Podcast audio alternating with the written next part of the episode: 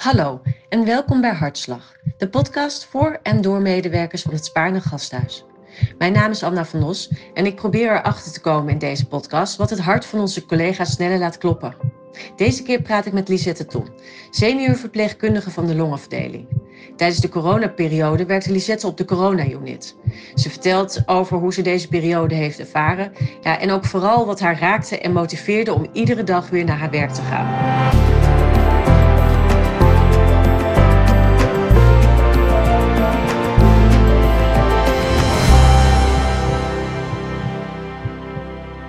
We zitten hier op een, uh, op een moment, eigenlijk best wel een bizar moment. Hè? Het zit in de zevende week van, uh, nou ja, wat we de coronacrisis noemen. Ja. En um, dus dat betekent dat jij eigenlijk al een ruime tijd bezig bent met Ja. die crisis. Ja.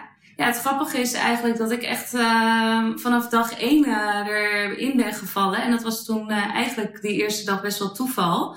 Het was eh, op de beruchte nacht van 12 eh, op 13 maart kwamen de eerste coronapatiënten hier binnen in het ziekenhuis. En die kwamen toen op een daarvoor ingerichte afdeling op de medium care eh, toen te liggen. En op vrijdag de 13e had ik een dagdienst ingepland staan. En ik was gewoon op mijn eigen afdeling begonnen.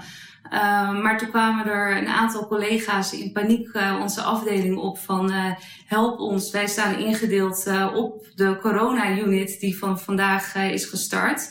En we hebben daar uh, zieke patiënten liggen met heel veel zuurstofbehoeften. en uh, die meiden waren van de chirurgie en die hadden eigenlijk geen idee uh, hoe ze dat goed moesten doen en hoe ze met die patiënten om moesten gaan. Dus die kwamen naar onze afdeling toe om hulp te vragen. Dus ben ik natuurlijk meteen met die meiden meegegaan van joh, ik ga jullie vandaag helpen en er doorheen slepen en we gaan het met elkaar doen.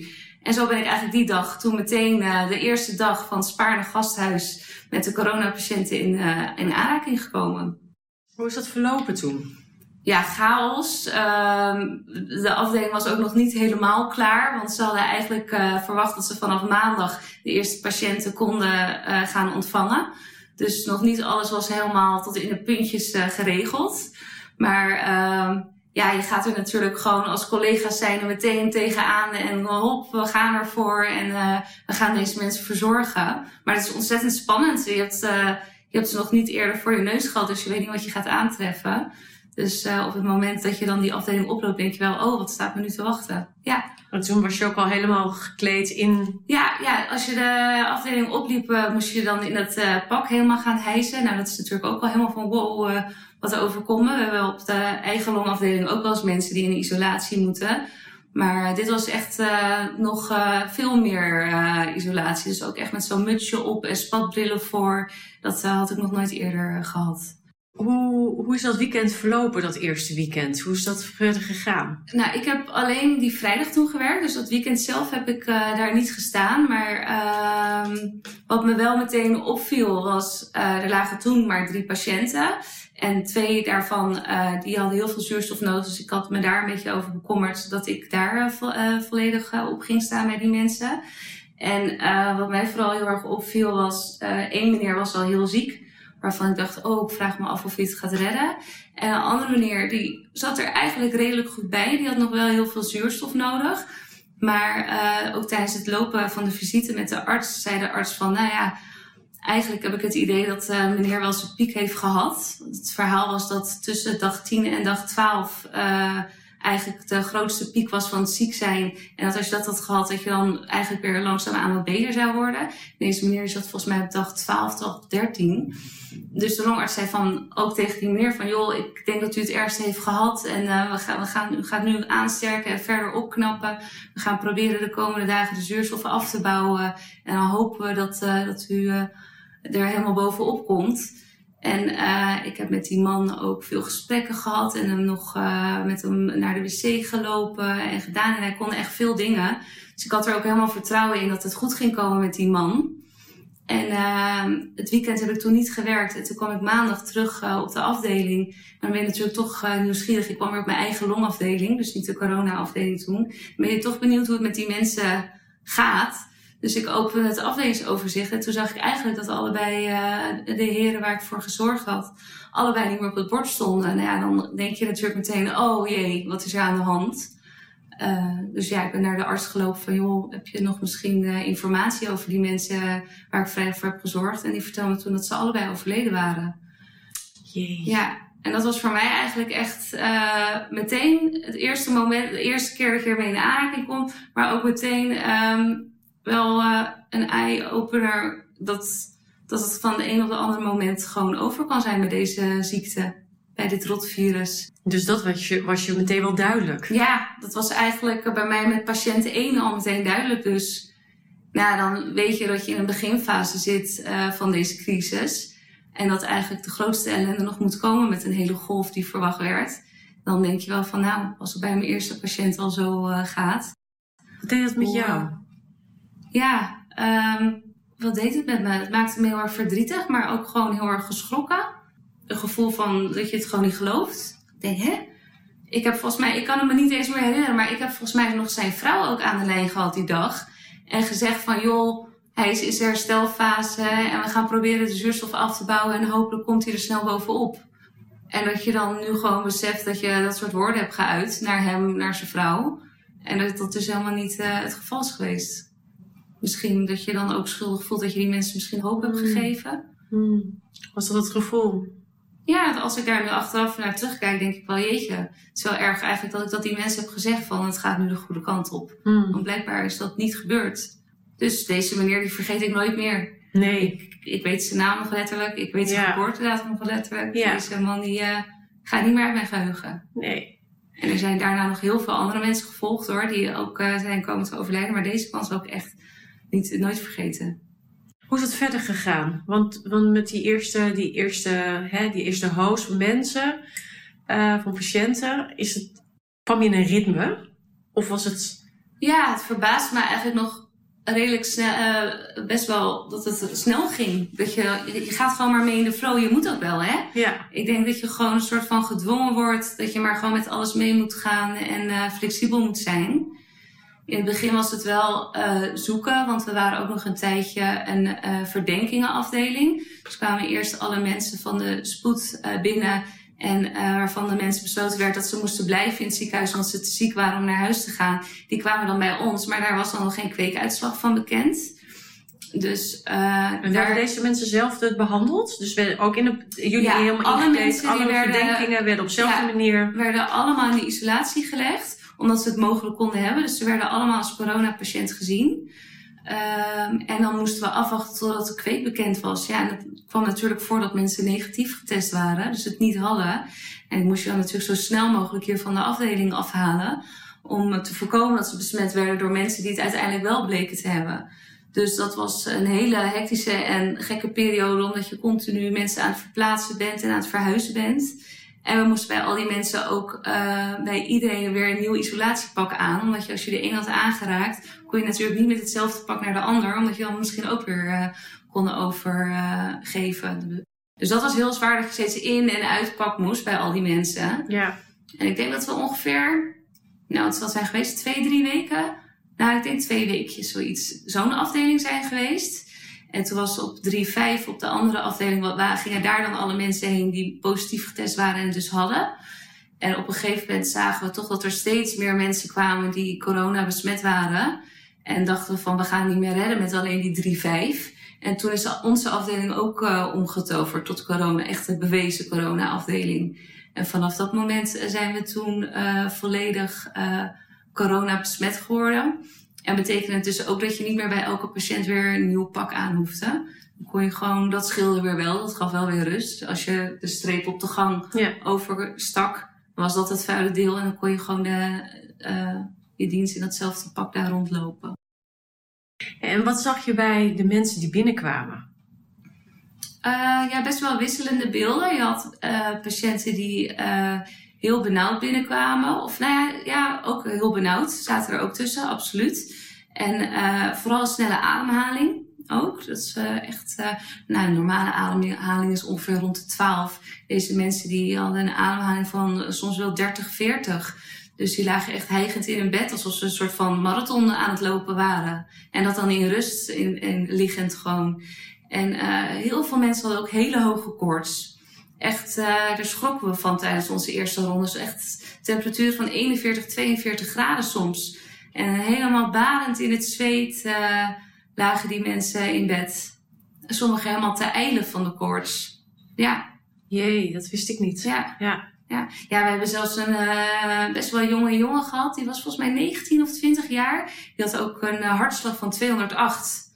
En een temperatuur van 41,5 graden. Nou ja, normale hartslag in rust is 80. En deze jongen die had gewoon een hartslag van meer dan 200 slagen per minuut.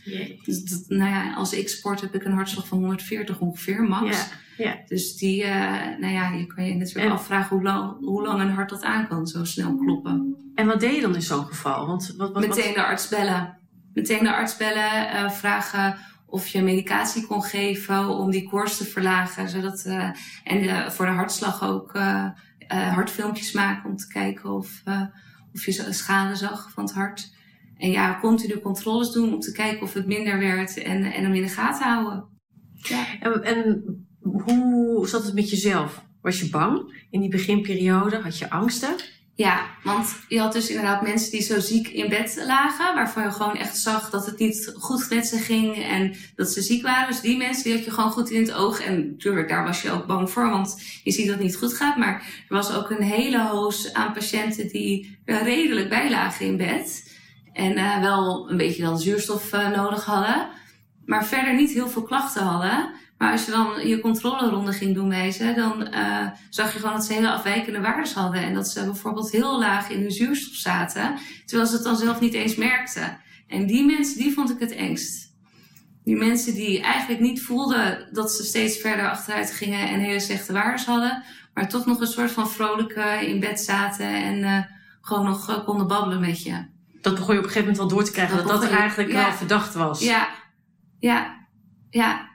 Dus bij die mensen uh, was ik altijd heel erg op mijn hoede. En uh, regelmatig controles doen en kijken of dat zuurstof nog goed was. En wat deed het met jou in het begin? Dus ik kan me voorstellen dat het gewoon dat je zelf ook bang bent geweest om besmet te worden. Als je dit allemaal voor je zag, weet je, dat je... Had jij dat ook? Ja, natuurlijk. Als je hoort van jullie gaan de corona-afdeling worden, denk je, oh mijn hemel, waarom wij weer? En nou lopen wij ook risico. En als ik het maar niet ga krijgen, maar eigenlijk vanaf het moment dat ik in mijn isolatiepakje op de afdeling bezig was, merkte ik ook eigenlijk wel dat ik gewoon heel goed beschermd was. En dacht ik, ja, ik loop op straat misschien meer gevaar om het op te lopen bij even door mensen die voorbij lopen of in een supermarkt of wat dan ook. Dan wanneer ik je op de afdeling nu echt bij de bewezen mensen rondloop in een heel goed beschermd pak. Dus ja, in het begin ben je bang, maar al snel was dat eigenlijk wel weg voor mij. Was het ook voor jouw collega's? Waar was iedereen zeg maar ook... Nou, er is wel een verschil in geweest, merkte ik.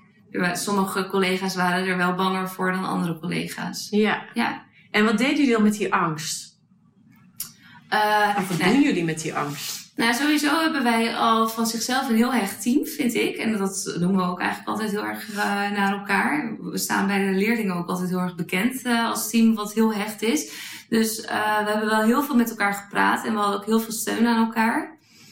En uh, ja, in, in zo'n periode ben je echt letterlijk samen aan het lachen en samen aan het huilen. Dus het ene moment uh, lach je elkaar uit dat je er in apenpakjes uh, rondloopt op de afdeling en dat je elkaar niet herkent. En het andere moment, als je heftige situaties meemaakt, stonden we hier ook, uh, waar we nu zitten in deze teamposten, stonden te huilen met elkaar hoor. Er zijn echt wel wat traantjes gevloeid hier ook. Ja. Wat een impact als je dan dat achteraf realiseert. Hè? Ja. We zitten er nog middenin, maar ja. als je terugkijkt, wat een ja. emoties en wat een, wat, wat een heftigheid. Maar het is wel echt fijn dat je dan gewoon um, collega's hebt uh, waar je dat echt goed mee kan delen. Want met je thuisfront doe je dat ook. Met mijn ouders en met mijn vriend en met vrienden ook. Maar toch merk je dat ze niet een compleet beeld hebben van hoe het hier ook echt is. Dus hoe lief ze het, je ook willen steunen ze hebben geen idee hoe het eraan toe gaat. En misschien ook maar beter hoor, dat ze het niet eens weten. Want misschien moeten sommige mensen ook gewoon bespaard blijven. Maar ik merk dat ik meer steun aan mijn collega's heb gehad dan, uh, dan aan mijn vrienden en mijn ouders. Heel, heel erg om te zeggen nee. eigenlijk.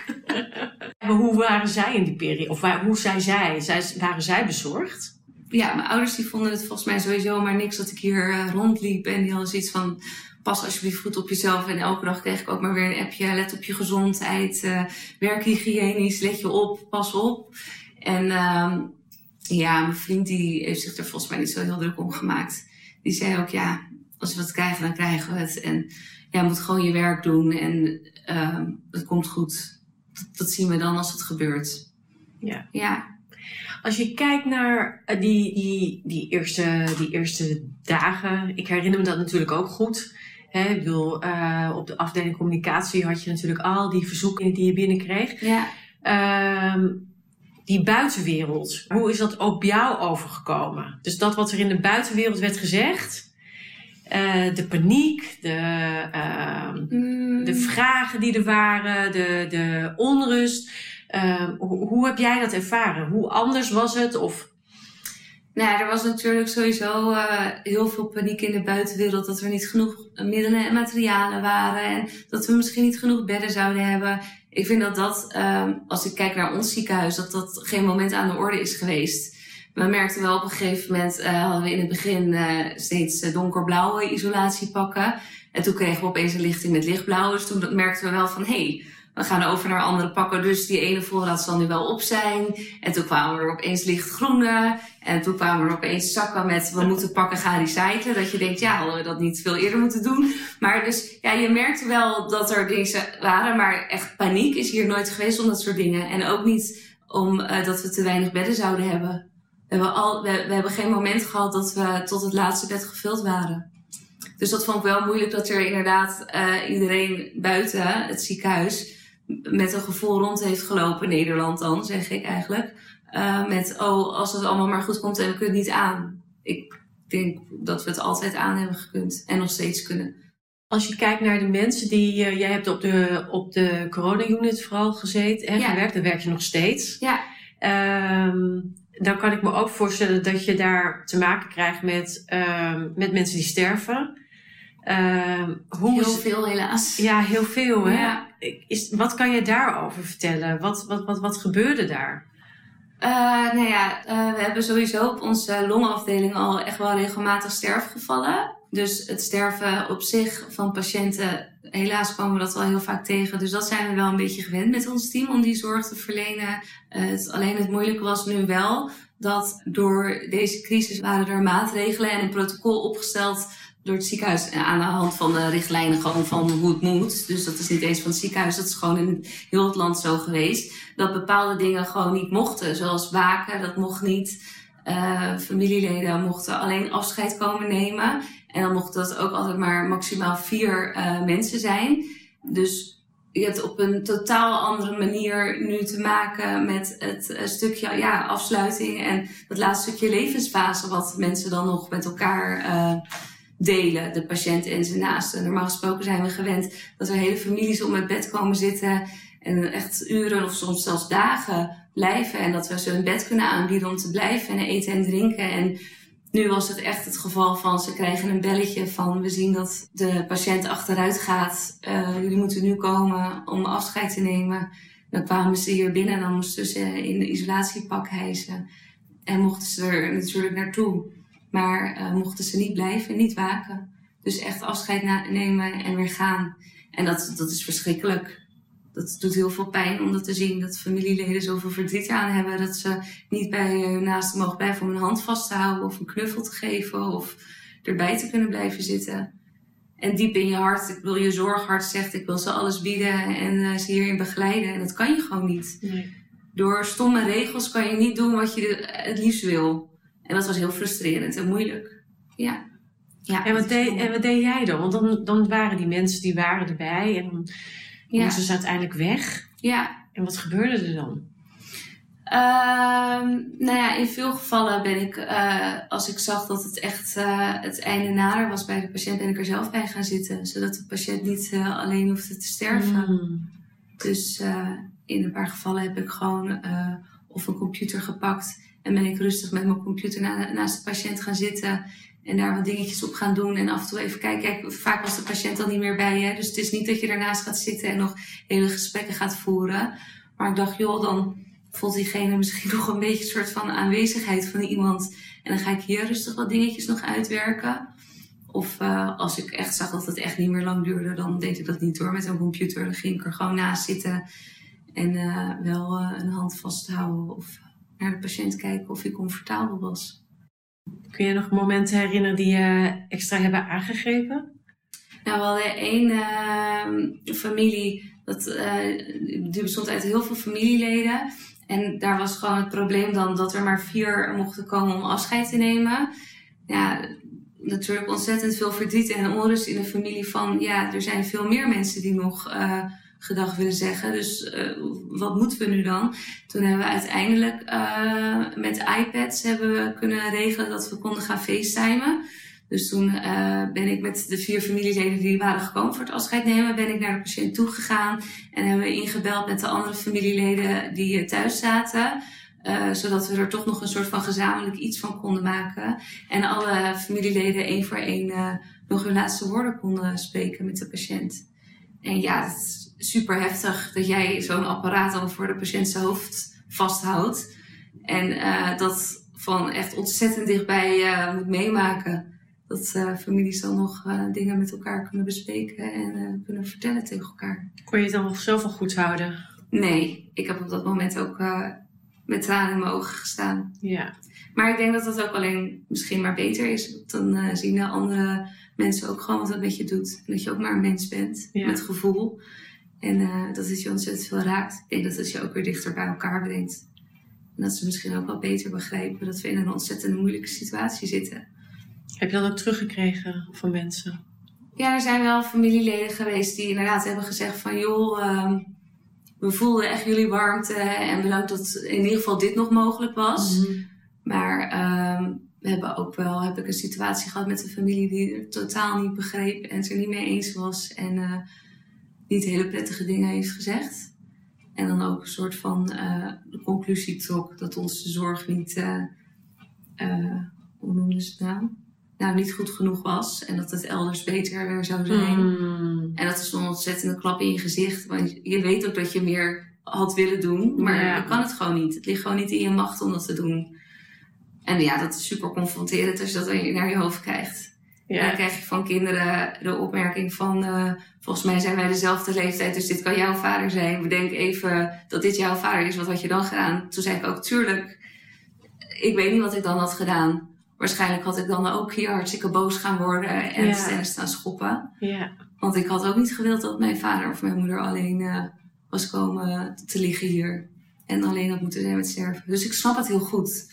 Maar het is wel pijnlijk om dat dan nog eh, bevestigd te krijgen van Ja. familie. ja. Het zijn hun emoties hè, die dan spelen. En waarin je dan dingen ook weer zegt en doet en voelt. En Dat vond ik, uh, maar ik, van die casus heb ik ook echt dagenlang last gehad. Ik dacht, maar wat had ik dan nog moeten doen? Wat hadden we hier nog kunnen doen? Niks. We hebben bij die familie al best wel van de regeltjes, uh, zijn we al een beetje afgeweken toen. Door ze wat meer dingetjes toe te laten, uh, toe te staan bij ze. Dus dan denk ik, ja, op een gegeven moment kan je niet meer dan dat. En dat is wel pijnlijk. als we nu kijken, hè, we zijn nu in week, wat, welke week zijn we? Ja. Zeven of zo? Ja, week 6 of week 7? Zeven, ja, zes. Ja, ik weet het ook niet precies meer. En Volgens mij is vandaag exact zes weken geleden dat het 13 maart was, die beruchte eerste dienst van mij. Dus het is vandaag exact zes weken volgens mij. Echt waar. Ja, Jee. ja, En dan is, dus zitten we dus nu in een hele andere situatie. Want we zitten hier op die afdeling ja, die eerder omgetoverd was als corona Ja. ja. En vandaag zijn we weer voor het eerst een schone afdeling geworden. En hebben we geen coronamensen meer liggen nu. Ja, niet op deze afdeling. Niet op deze, nee, liggen nog wel in het eh, ziekenhuis, maar ze liggen op de gang hiernaast. Ja, Omdat we nu toch merkten dat er veel eh, longpatiënten elders in huis op andere afdelingen lagen. En we toch wel gemerkt hebben dat die longzorg best wel specifiek is met die zuurstof. We hebben besloten onze longafdeling nu weer als schone afdeling te maken. Zodat de longpatiënten weer veilig bij ons kunnen komen. Mm. Waar we gewend zijn om met zuurstof te werken. ja, En een eh, andere afdeling is dan nog wel ingericht voor de coronamensen. ja. En ook daarvoor staan we paraat voor als ze eh, problemen hebben met zuurstoftoediening of vragen hebben natuurlijk. Ja. En wat betekent dat nu voor jou? Dat betekent dus dat jij, ehm, dat je hier weer op je oude afdeling bent? Ja. Dat sowieso? Ja, dat. Ehm, we krijgen weer te maken met een hele andere patiëntencategorie. We krijgen weer veel eh, chronisch zieken terug. Terwijl bij die corona zagen we toch ook wel heel veel mensen die uh, van jongere leeftijd ook wel. En ook echt nog wel gewoon fitte, vitale mensen die dan hier lagen. En normaal gesproken als longafdeling hebben we echt best wel veel chronisch zieken met COPD of longkanker. Uh, waarvan je gewoon ziet dat de kwaliteit van leven steeds meer afneemt. En dat ze ook echt ziek zijn en uh, weinig zelf kunnen. Veel hulp nodig hebben met de, met de zorg. En uh, ja. Als ik kijk naar jou, als ik kijk naar wat je ook net noemt, het kwaliteit van leven. Mm -hmm. volgens mij heeft dat een heel, heel nou, belangrijk waarde gekregen, volgens mij, in de afgelopen ja. weken. Voor heel veel mensen. Ja, zeker. Hoe, zeker. Hoe, en hoe, hoe zie jij dat? Wat heeft dat voor betekenis voor jou gekregen? Ja, ik denk dat we ons allemaal moeten beseffen dat uh, niks is zeker in het leven. En het kan van de een op de andere dag uh, totaal anders zijn, je, je gezondheid. Het kan zomaar omslaan. En het idee met wat we in het begin allemaal hadden voor deze crisis van oh, het is maar een griepje en het treft alleen de ouderen. De afgelopen zes weken heb ik zeker ervaren dat het absoluut niet het geval was. En uh, dat het iedereen kan overkomen. En uh, ik ben wel het leven veel meer gaan waarderen. En dat je denkt, ja, we moeten wel echt genieten van dit leven. Want het kan gewoon zomaar opeens klaar zijn. Ja. En ook voor de mensen die het nu wel overleefd hebben en van de beademing af zijn. Die komen nu bij ons op de afdeling. Want die zie je nu steeds meer bij ons komen, ook die mensen. En prachtig dat ze het hebben overleefd en nu van de beademing zijn. Maar die mensen die zijn nu in zo'n slechte conditie. Die hebben nog zo'n lange weg te gaan om er weer bovenop te komen. En bij sommige mensen vraag ik me af of ze er ook volledig bovenop gaan komen. Omdat ze toch verblijvend uh, schade hebben opgelopen en niet meer compleet op niveau komen wat ze voorheen waren. Als je kijkt naar die kwaliteit van leven nog even terug, hè. Um, dan zag je ook bij jou op de afdeling natuurlijk momenten dat je dus uh, uh, waarschijnlijk moest kiezen of iets naar, hè, of een patiënt naar de IC moest. Of ja. Ja. Dat soort momenten. Uh, heb je die meegemaakt? Ja, heel vaak. We hebben heel veel momenten gehad dat een patiënt uh, gewoon helemaal niet goed ging bij ons. Dat de waarders ook aangaven dat het niet goed ging. En dat wij met onze klinische blik ook zagen dat het gewoon niet goed ging. Nou dan maak je natuurlijk meteen een melding en dan bel je uh, de IC voor een zitoproep. En eigenlijk uh, waren ze echt binnen vijf minuten meteen bij ons op de afdeling dan hoor. Dus dat was heel fijn.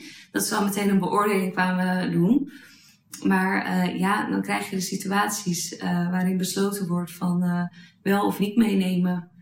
En gelukkig hoeven wij dat als verpleegkundige die beslissing niet te maken. En ligt dat meer op artsenniveau. Maar uh, wij hebben veel mensen meegemaakt die gewoon in zo'n slechte staat waren dat ze eigenlijk naar de IC zouden moeten, maar waarbij werd besloten uh, dat niet te doen, omdat ze eigenlijk die beademing dan al niet aan zouden kunnen of dermate schade op zouden lopen en er niet goed uit zouden komen, dat dan uh, op medische gronden werd besloten om niet naar de IC uh, over te plaatsen. Ja, het is verschrikkelijk dat is voor de patiënt verschrikkelijk om te horen. Ja. Ik denk dat sommigen het ook al wel uh, van zichzelf wisten, omdat ze dan een bepaalde voorgeschiedenis hadden met ziektes of aandoeningen of een bepaalde leeftijd. Dan moet ik zeggen, leeftijd heeft hier echt niet altijd alleen als enige rol gespeeld, wat ook heel veel in de media is geweest. Van uh, als ik 80 ben, uh, dan ga ik niet meer naar de IC, want we hebben genoeg mensen gehad van 80 die gewoon nog fit en vitaal waren en wel naar de IC zijn gegaan. Maar de mensen met een enorme voorgeschiedenis of al veel lichamelijke klachten of een slechte conditie, die uh, mensen die uh, hebben we op de afdeling moeten houden. En daar zaten ook gewoon vijftigers tussen hoor. Ja. Leeftijd van, van waarschijnlijk je ouders. Ja, ja vijftigers, zestigers. Ja. Heb je dat ook gerealiseerd op, dat, op zo'n moment? Zeker. Van, van, ja.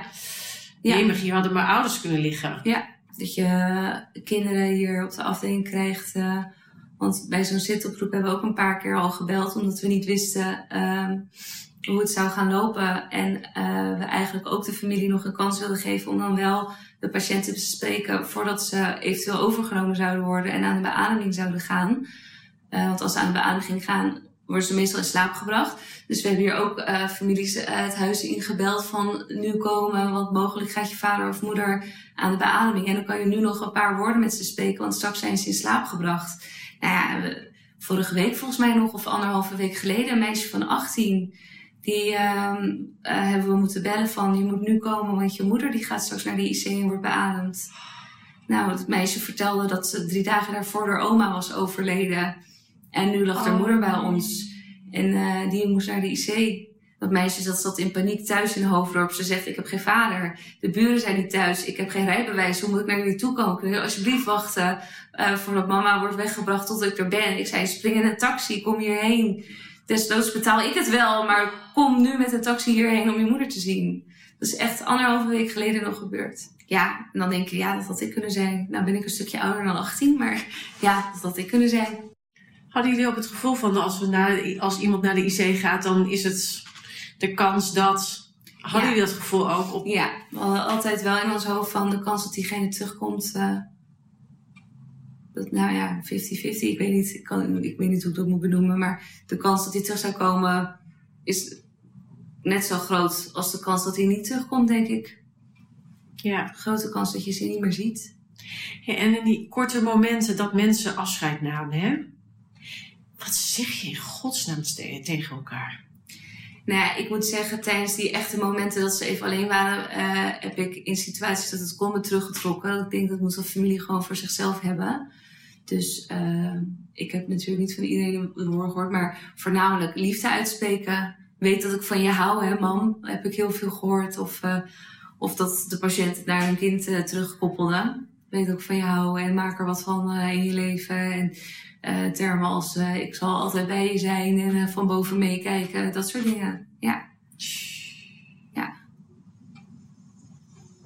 Besef je dat het ook op dat moment? Dat je dan denkt van, oh jee, dit is, dit is dus waar het over gaat in het leven. Ja. Dit, Ja. Ja, zeker. die liefde Ja. en het voor elkaar zijn. Helaas ook eh, patiënten gehad die dan geen familie meer of naasten hadden of geen contact meer met eh, kinderen of iets. En dat is natuurlijk ook heel eh, moeilijk, hè? Ja. Mensen die niet afscheid hebben gehad. En echt helemaal alleen zijn gegaan. Dat zeiden ze ook. Gaf ze, gaf dat ook van tevoren Ik heb, er niet heel veel, niet? ik heb er niet heel veel van meegemaakt. Nee. Ik, ik, ik- het is al ook weer lang geleden, maar er is wel volgens mij één iemand geweest die ik heb meegemaakt waarvan niemand langs is geweest. Of, of diegene had niemand meer. Ik heb dat ook toen niet gevraagd, omdat ik dat eigenlijk misschien ook niet eens wilde weten. Ja. En het voor de patiënt ook te confronterend vond om er naar te vragen van joh, is er niemand eh, die naar u toe moet komen? Ja. Ja. ja. In de buitenwereld was het de frontrunners, hè?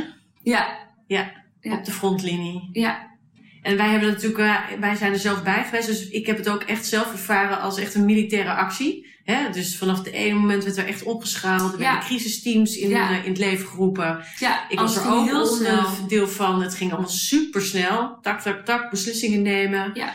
Organiseren. Ja, Ehm, dat klopt. en dan hadden ze het over natuurlijk die zorghelden. Heb je dat, voel jij dat ook zo? Nou ja, ik vind wel ehm, dat. eh, even kijken hoe ik het netjes zeg. Ik vind wel dat wij als verpleging al jarenlang een beetje ondergewaardeerd eh, zijn geweest. En ehm, dat dan nu door zo'n situatie naar voren moet komen dat we eigenlijk toch wel goed werk doen en meer doen dan eh billen afvegen en mensen wassen, vind ik eigenlijk wel erg. Dat zoiets daarvoor nodig is om opeens als held gezien te worden, terwijl we elke dag levens redden. En eh, buiten de coronacrisis om ook genoeg heftige situaties meemaken en mensen proberen beter te maken en eh, begeleiden in hun ziekte en ziek zijn. Eh, dus naast deze corona-verhalen die ik nu allemaal deel, heb ik in de afgelopen vier jaar nog veel meer ellende en leed eh, meegemaakt, die niet zo onder de loep zijn gebracht. En eigenlijk vind ik dat wel erg. En tuurlijk, het is fijn om eh, van buitenaf een soort van bevestiging te krijgen van wow, wat zijn jullie als helden bezig? Want we hebben hier staan buffelen en bikkelen en ik heb overuren gedraaid. En in zo'n pak is het natuurlijk allemaal nog extra zwaar en vermoeiend en heftig om in te werken. Dus tuurlijk is dat leuk om van buitenaf te merken. En we zijn eh, overspoeld met taarten, maaltijden van restaurants, happy socks, eh, weet ik het maar wat. Maar ook kinderen uit de buurt die tekeningen kwamen langsbrengen. Of chocolaatjes, dat ze statiegeldflessen aan het inzamelen waren. En van het statiegeld uh, dozen chocola hadden gekocht en bij ons op de afdeling kwamen brengen. Ja, super lief. Dus je voelt je zeker wel door uh, mensen van buitenaf gesteund. En uh, dat mensen zien hoe hard we hier werken. Maar dan denk ik, ja, in andere tijden werken we hier ook hard. En zijn we ook uh, heel zwaar werk aan het leveren. Ja, wellicht dat dit, dat dit een, een moment is waarin mensen ander inzichten krijgen. Ja, hè? misschien en wel. zelfs misschien met, met uh, docenten. Misschien wel. Hè, hetzelfde laken en pak. Dat je denkt van ja, thuis school of lesgeven is best wel zwaar. Ja. En wat doen ze eigenlijk goed werk? Net als jullie, hè? Van, je, nou was er wel een patiënt bij ons. Die vergeet ik ook nooit meer. Daar had ik, uh, die heeft ook een kaart naar ons gestuurd toen hij weer beter thuis was.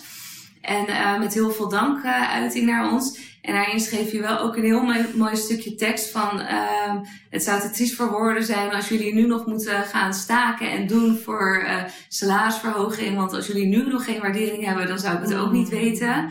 Maar daarin schreef je vervolgens wel een stukje van... één ding wil ik jullie wel meebrengen waar je voor moet waken... Uh, en dat zijn wijze woorden die ik ook ooit van mijn grootmoeder heb gehoord, die de oorlog heeft meegemaakt. Dat er in tijden van crisis een enorm gevoel is van samenhorigheid en steun. En oh, we zijn er allemaal voor elkaar. Maar dat zodra die fase voorbij is, iedereen weer in zijn egoïstische ik terugkeert. En dan dat stukje toch weer wegvalt. En je gewoon weer het normaal, uh, normale ritme terugvalt. En er dan echt niet meer zoveel aandacht op ons ligt hoe geweldig we zijn hoor. En dat vond ik wel mooie woorden dat hij dat uh, schreef. Ja. Dus pas op dat je niet straks in een gat valt van hé, hey, uh, ja. we zijn uh, niet meer de helden voor de anderen. Want we vallen straks gewoon weer in een normaal ritme, denk ik. Ja. En dan is niemand daar meer mee bezig hoor, dat we zulke helden zijn. En, en, wat, doet, en wat denk je, ja, hoe, gaat, wat, hoe zie jij dat dan voor jezelf? Ja, ik denk, ik hoef het ook eigenlijk niet dag en nacht te horen dat we zo geweldig zijn. Ik denk, je kiest het uh, beroep uh, vanuit je hart en omdat je een bepaalde passie hebt voor iets. Ja. Mensen helpen en er voor anderen zijn. Ja, ik hoef er niet uh, een pluim voor te krijgen. Hmm. Het zit gewoon in je, denk ik. Als ik je een tenslotte vraag mag stellen. Wat, wat, wat, wat, heb je hier, wat heb je in de afgelopen weken geleerd? Wat zijn inzichten geweest die, die je wilt delen? Mm, nou, het eerste dus wat we eigenlijk al besproken hebben is dat je van het leven moet genieten. Maar ik heb ook geleerd om heel flexibel te zijn. Want vooral in die beginfase wordt het natuurlijk elke dag krijg je weer nieuwe regels. Uh, en denk je, oh, nu weer zo. En dan is je afdeling weer zo. En dan moeten we het toch weer zo doen. Dus we hebben geleerd heel erg flexibel te zijn. Ook uh, dat je, uh, zijn we ook denk ik heel open geweest. Want je kreeg allemaal medewerkers van buitenaf die je helemaal niet kende en die zich hadden aangeboden om hier te helpen. Dus nou, kom maar binnen en we doen het met elkaar. Maar dan moest je ook wel, dat heb ik ook geleerd, heel veel geduld voor hebben. Voor die mensen, want sommigen kwamen met twee linkerhanden binnen en die hadden eigenlijk geen idee wat ze moesten doen. En dat moet je ze dan maar gaan leren en uitleggen. Dus uh, ja, dat heb jij meegekregen. Dat waren ja. jouw inzichten. En wat wil je dan mensen nog meegeven vanuit de situatie vanuit nu? Nou, sowieso dat we nu niet allemaal moeten, nu het gaat afnemen, dat we allemaal moeten gaan denken, oh het is over en uh, we kunnen weer lang leven de lol. Want uh, uh, ik ben bang dat het coronavirus nog heel lang hier gaat blijven. Dus we ja. blijven dit zien, dus mensen moeten wel voorzichtig en oplettend blijven. Ja, en dan die tenslotte vraag, hoe wordt straks dat nieuwe normaal? Wat denk ja. je? Ja, dat is een hele goede vraag ik zit daar heel vaak over na te denken. En ik heb gewoon geen idee hoe onze toekomst eruit gaat zien. Hoe we dat, uh, of hoe we dat gaan invullen straks. Het kan natuurlijk niet zo zijn dat we vanaf de, van de een op de andere moment opeens klop, hop, we zijn weer terug naar het normale en alles is weer zoals het was. Dus, maar hoe dat gaat worden, ik heb geen idee. Met nee. anderhalve meter afstand? Ja, dat denk ik. Maar met hoeveel dingen is dat niet, niet mogelijk? Bij ons in het werk is het ook niet mogelijk. Als ik een, een patiënt uh, moet verschonen of moet wassen op bed samen met een collega, omdat het een, uh, te zware patiënt is, kan ik geen anderhalve meter afstand houden van mijn collega als we die patiënt nee. moeten verzorgen. Dus toch misschien meer persoonlijke beschermingsmiddelen? Ja, wie weet. Ik ja. weet het ook niet, maar dit is wat, wat er in mei opkomt. Ja. Zie je dat voor je? Ja, nou eigenlijk niet. nou ja, het, het, zou me niet verbazen als dat inderdaad gaat komen. Dat je veel meer met uh, uh, inderdaad dat soort middelen gaat werken bij de zorg. Maar ehm, het is geen pretje, zal ik je vertellen, in zo'n pak. Zo'n Nee, benauwend pak. Dus ik hoop het niet dat we daar naartoe gaan. nee. Nee. En de zorg in zijn algemeen, nog een laatste vraag, Lisette. Gaat die veranderen? Nou, de zorg gaat sowieso veranderen, omdat het denk ik een blijvende ziekte gaat blijven, die we eh, voorbij blijven zien gaan. Net zoals de andere griepvirussen, waarvoor we gewoon hier isolatieverpleging hebben. We moeten maar gewoon eh, doorgaan met de mensen helpen en verzorgen. Klinkt als een, kan ik als een mooi einde. Ja! kijken of ik er nog wat aan toe te voegen, maar nee. Nee, ik wil je, ik wil je bedanken. Ja, jij ook bedankt Ja. voor, eh, voor de tijd. eh, Wat een ik- fijn gesprek. Ik, eh, ik heb veel van je geleerd. Nou, dankjewel. Ik Dank ben blij dat ik het kon delen. Ja, Misschien dat mensen er wat aan hebben Ja. om het te horen. dank je.